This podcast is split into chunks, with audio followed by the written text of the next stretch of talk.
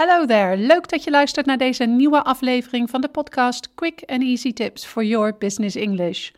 Vandaag geef ik je tips voor een Engels sollicitatiegesprek aan de hand van voorbeeldvragen die gesteld zouden kunnen worden met de daarbij behorende antwoorden. Maar wanneer jij degene bent die het interview afneemt, ook dan kun je in deze podcast inspiratie opdoen. Mijn naam is Anneke Penella Drijver van Improve Your Business English en de auteur van het boek Master Your Business English: Communicate with Power in 7 Simple Steps. Ik help ondernemers en doelgerichte professionals van hun middelbare school Engels af, zodat zij ook internationaal met impact en vol zelfvertrouwen in het Engels kunnen communiceren.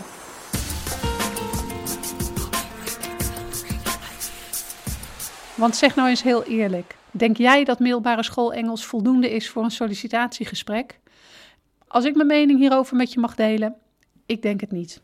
Een sollicitatiegesprek is misschien wel het belangrijkste gesprek in je werkleven, hè, waarbij je een goede indruk moet achterlaten. Ofwel, dit is het moment waar jij extra goed moet overkomen om je te onderscheiden van de rest, ook met je Engels.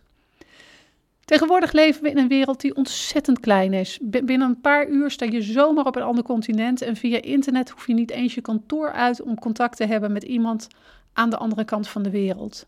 En dit is ook te merken in het bedrijfsleven. Steeds meer bedrijven gaan internationaal of worden overgenomen door een buitenlandse maatschappij. Het gevolg daarvan is dat er ook meer en meer sollicitatiegesprekken in het Engels worden gevoerd. Dus ook jij hebt misschien wel op een bepaald moment in je carrière een Engels sollicitatiegesprek. Als je werkt in een sector waarbij het aannemelijk is dat je op een keer zult moeten solliciteren voor een internationale baan, of misschien wel als je op het punt staat om dit te doen, luister dan goed naar deze podcast. De beste manier om je voor te bereiden op een jobinterview is namelijk om bij jezelf na te gaan welke vragen gesteld zouden kunnen worden en welke antwoorden jij daarop hebt. Daarom ga ik zes mogelijke vragen die gesteld zouden kunnen worden in een Engels sollicitatiegesprek met je langs en leg ik uit hoe jij erop kunt antwoorden. De voorbeeldantwoorden die ik hier beschreef zijn natuurlijk bedoeld om je op weg te helpen. Het spreekt voor zich uh, maar ik wil toch wel even gezegd hebben: het belangrijkste is om eerlijk te antwoorden op de vragen die je krijgt. En dus niet klakkeloos deze antwoorden over te nemen. Daarnaast is het handig om je antwoord te onderbouwen met persoonlijke voorbeelden. Nou, hier komen mijn voorbeeldvragen en voorbeelden van gepaste antwoorden voor een Engels sollicitatiegesprek. De eerste vraag is: Can you tell me why you have applied for this job? Ofwel, waarom heb je ervoor gekozen op deze baan te solliciteren? Vertel in je antwoord kort en bondig waarom deze vacature jou persoonlijk aansprak. Betrek hierbij de belangrijkste aspecten van de baan en hoe die aansluiten bij jouw interesses. En hè, blijf eerlijk. Nou, een paar uh, voorbeeldzinnen die je kunt gebruiken om jouw antwoord in te leiden zijn: I read that you were looking for someone with. En vul dan in wat er in de vacature stond, bijvoorbeeld een eigenschap. En ga dan verder met and I consider myself to be someone of, or be someone who. Of bijvoorbeeld, I believe that this job is perfect for me, since it. Of tenslotte, in my youth, education, current job, I. En dan volgt het antwoord. Een volgende vraag kan zijn: Why should I hire you? waarom moet het bedrijf jou nou aannemen? Nou, omdat jij de beste persoon bent voor deze baan natuurlijk. Maar met zo'n kort antwoord kom je niet weg. Een voorbeeld van een antwoord dat je wel kunt geven is: I realize there are likely other candidates who also have the ability to do this job. Yet I bring an additional quality that makes me the best person for the job. My passion for excellence. I'm passionately committed to producing truly world class results. For example, Zoals je merkt is dit een antwoord dat persoonlijk wordt gemaakt omdat hier één unieke eigenschap wordt toegelicht en toegepast op de baan. Probeer dat ook te doen in je eigen antwoord. De derde vraag. What interests and hobbies do you have? De alomgevreesde vraag. Wat zijn je interesses en hobby's? Zorg dat je van tevoren nadenkt over deze vraag, zodat je niet in paniek moet bedenken wat je nou eigenlijk leuk vindt om te doen in je vrije tijd daarnaast is ook niet elke hobby makkelijk te vertalen naar het Engels. Zoek dus ook direct de Engelse vertaling op. Vergeet niet dat je potentiële uh, toekomstige werkgever met deze graag vooral op zoek is naar interesses en hobby's die van toegevoegde waarde zijn voor de baan waarop je solliciteert. Ga dan bij jezelf na welke interesses typerend zijn voor je karakter of met welke hobby's je relevante ervaringen op hebt gedaan. Handige zinsdelen die je kunt gebruiken om je hobby in te leiden zijn: I quite like, I love, I enjoy of I'm interested in. En vind je het nou echt heel moeilijk om een goede hobby te bedenken? Ter inspiratie heb ik hier een rijtje hobby's voor je, die al vertaald zijn naar het Engels.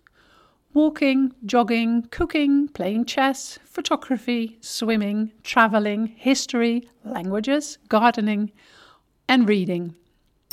De vierde vraag die gesteld zou kunnen worden tijdens een Engelse sollicitatie is: Are you a team player? En uiteraard wordt hiermee bedoeld: kun je goed samenwerken, maar beschouw dit niet als een gesloten vraag, maar als een open vraag. Een simpele yes of no is niet waar je interviewer naar op zoek is, al lijkt het misschien wel zo als je de vraag hoort. Maar neem na een yes of no direct zelf het initiatief om je antwoord te onderbouwen met voorbeelden. Voorbeelden zoals een recent project waarbij je moest samenwerken of een teamsport die je doet of lang hebt gedaan. Een voorbeeld van een geschikt antwoord is: Yes, I'm very much a team player. In fact, I've had the opportunities in my work, school, and athletics to develop my skills as a team player. For example, on a recent project. De vijfde vraag. Wat onderscheidt jou van anderen? What distinguishes you from others? Opnieuw een kans om eens mooi te vertellen over jouw kwaliteiten en pluspunten. Merk je trouwens al hoe belangrijk het is dat je de Engelse vertaling van jouw goede eigenschappen kent? Het komt zo vaak terug in een sollicitatiegesprek. Maar hier kun je bijvoorbeeld aangeven welke specifieke ervaringen of combinatie van ervaringen jij hebt gehad die jou uniek maken. Je kunt je antwoord op de volgende manieren beginnen. Unlike many others, I What distinguishes me from others is that I not only, but also, in contrast to most people, I I have a lot of experience, specific experience with.